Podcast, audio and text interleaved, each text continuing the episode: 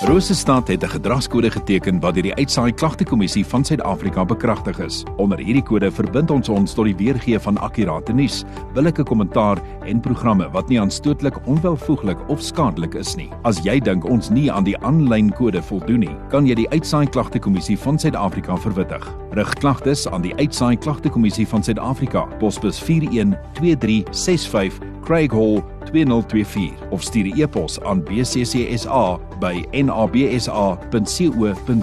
Vir verdere inligting, besoek www.bccsa.co.za.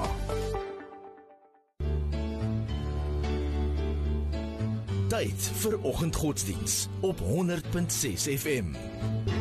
Ek het vroeër ook vir jou gesê dis uh, Dominee Dirk Meyer van die Gereformeerde Kerk Bloemburg wat dan ook by ons kuier hierdie week. En goeiemôre, welkom Dominee. Môre Cyril, voorreg om hier te wees. Lekker man. So kom ons kyk so 'n bietjie, het jy 'n boodskap vir die week saamgebring of werk jy hom so dag vir dag? Ek werk hom so dag vir dag. Vandag gaan ons saam luister na die heel eerste woorde van die Nuwe Testament, Matteus 1 vers 1. Dit gaan oor die geboorte van Jesus Christus, die geslagsregister wat ons daar vind om dit saam te kan luister.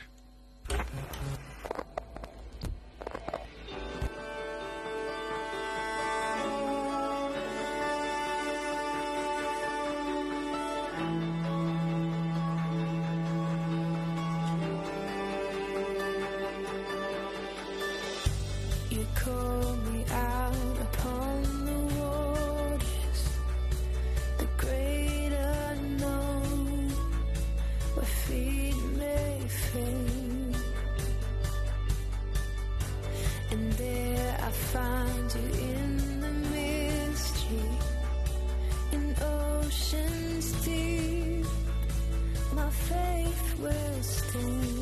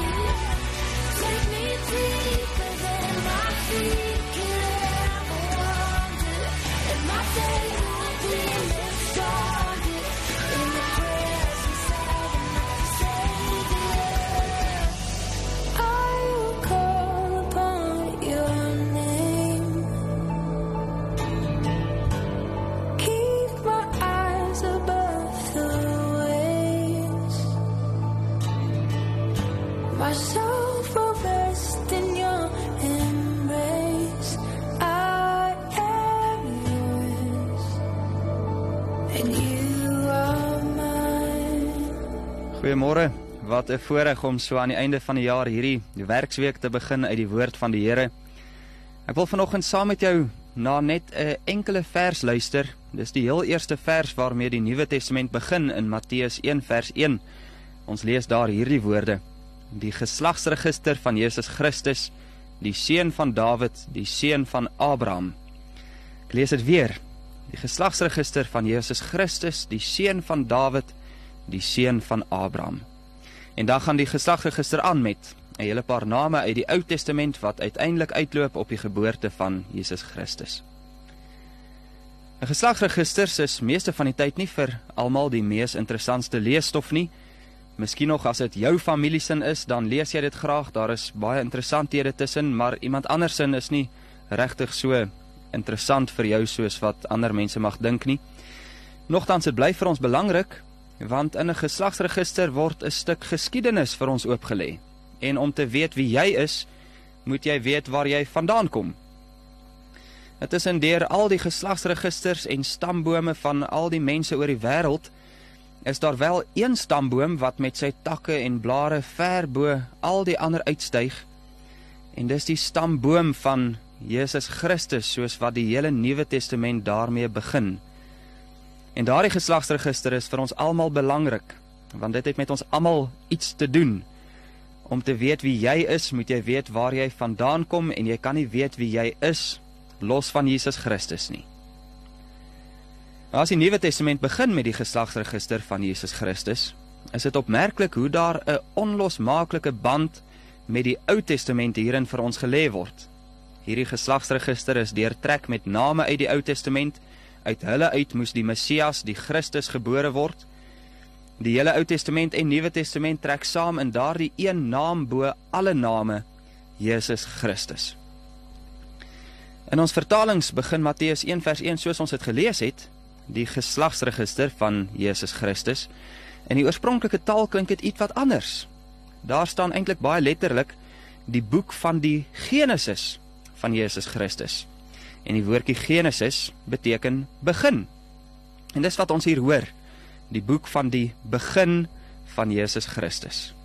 Nie om vir ons te sê hy het 'n begin soos enige ander mens nie. Hy is God. Hy's nog van altyd af daar. Hy het wel 'n begin as 'n mens gehad toe hy vir ons gebore is, maar waaroor dit hier gaan is om vir ons te sê kyk na die nuwe begin wat hy vir ons as mens ingelei het. En dis hoe die Nuwe Testament vir ons die drade van die Ou Testament wil optel. Dis die boek van die begin, die boek van die Genesis. Opmerklik, want dit is ook die naam van die heel eerste boek van die Ou Testament en die hele Bybel. Genesis. Begin. Genesis wat open met die woorde in die begin, in die Genesis het God die hemel en die aarde geskep. 'n Eerste begin.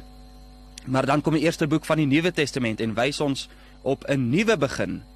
'n Nuwe begin deur Jesus Christus.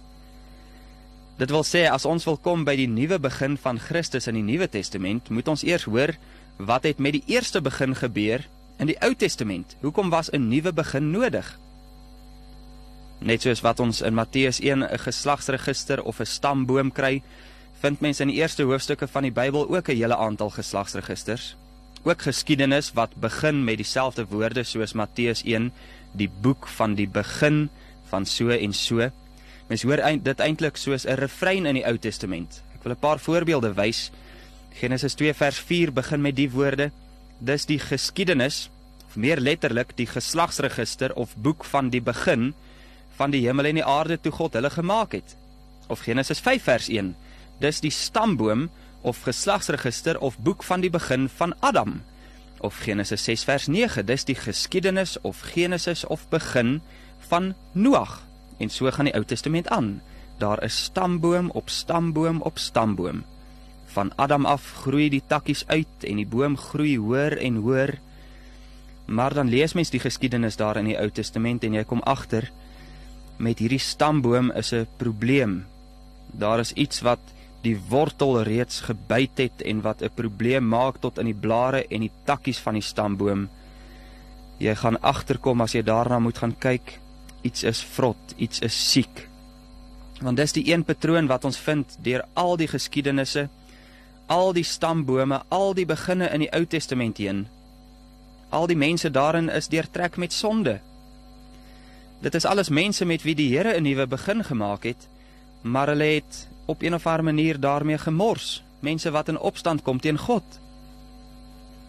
As mens Matteus 1 die geslagsregister van Jesus Christus lees en jy hoor ook daarin die name van die mense, dan moet mense dit ook opval as jy hulle geskiedenis gaan lees in die Ou Testament. Dis nie mense wat sondeloos skoon was nie.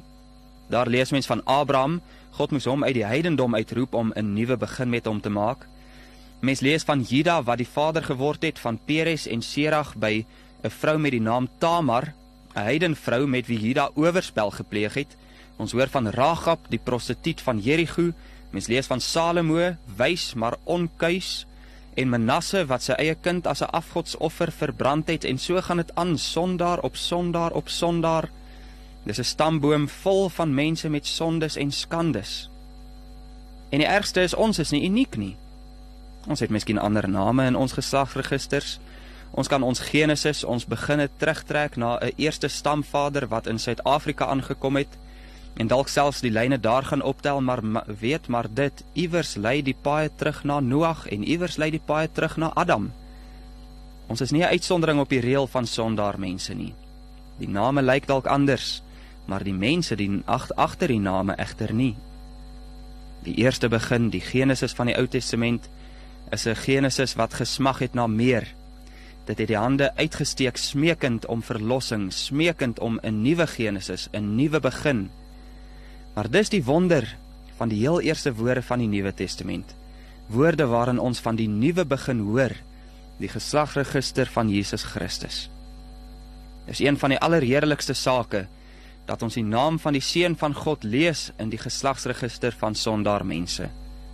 Dit voel vir ons eintlik dit pas nie. Ons weet wie hy is. Hy is die enige gebore seun van God. Hy self is ewig en aan sy heerlikheid is daar geen einde nie. En nogtans dat ons hier lees, hy is die seun van Dawid, die seun van Abraham. Die wonder is dit, ons as mense het nie 'n keuse wie jou ouers is nie. Jy kon nie besluit wie is in jou gesin en waarin word jy gebore nie. Jy kan nie inskryf en uitvee wie is in jou geslagsregister en wie nie.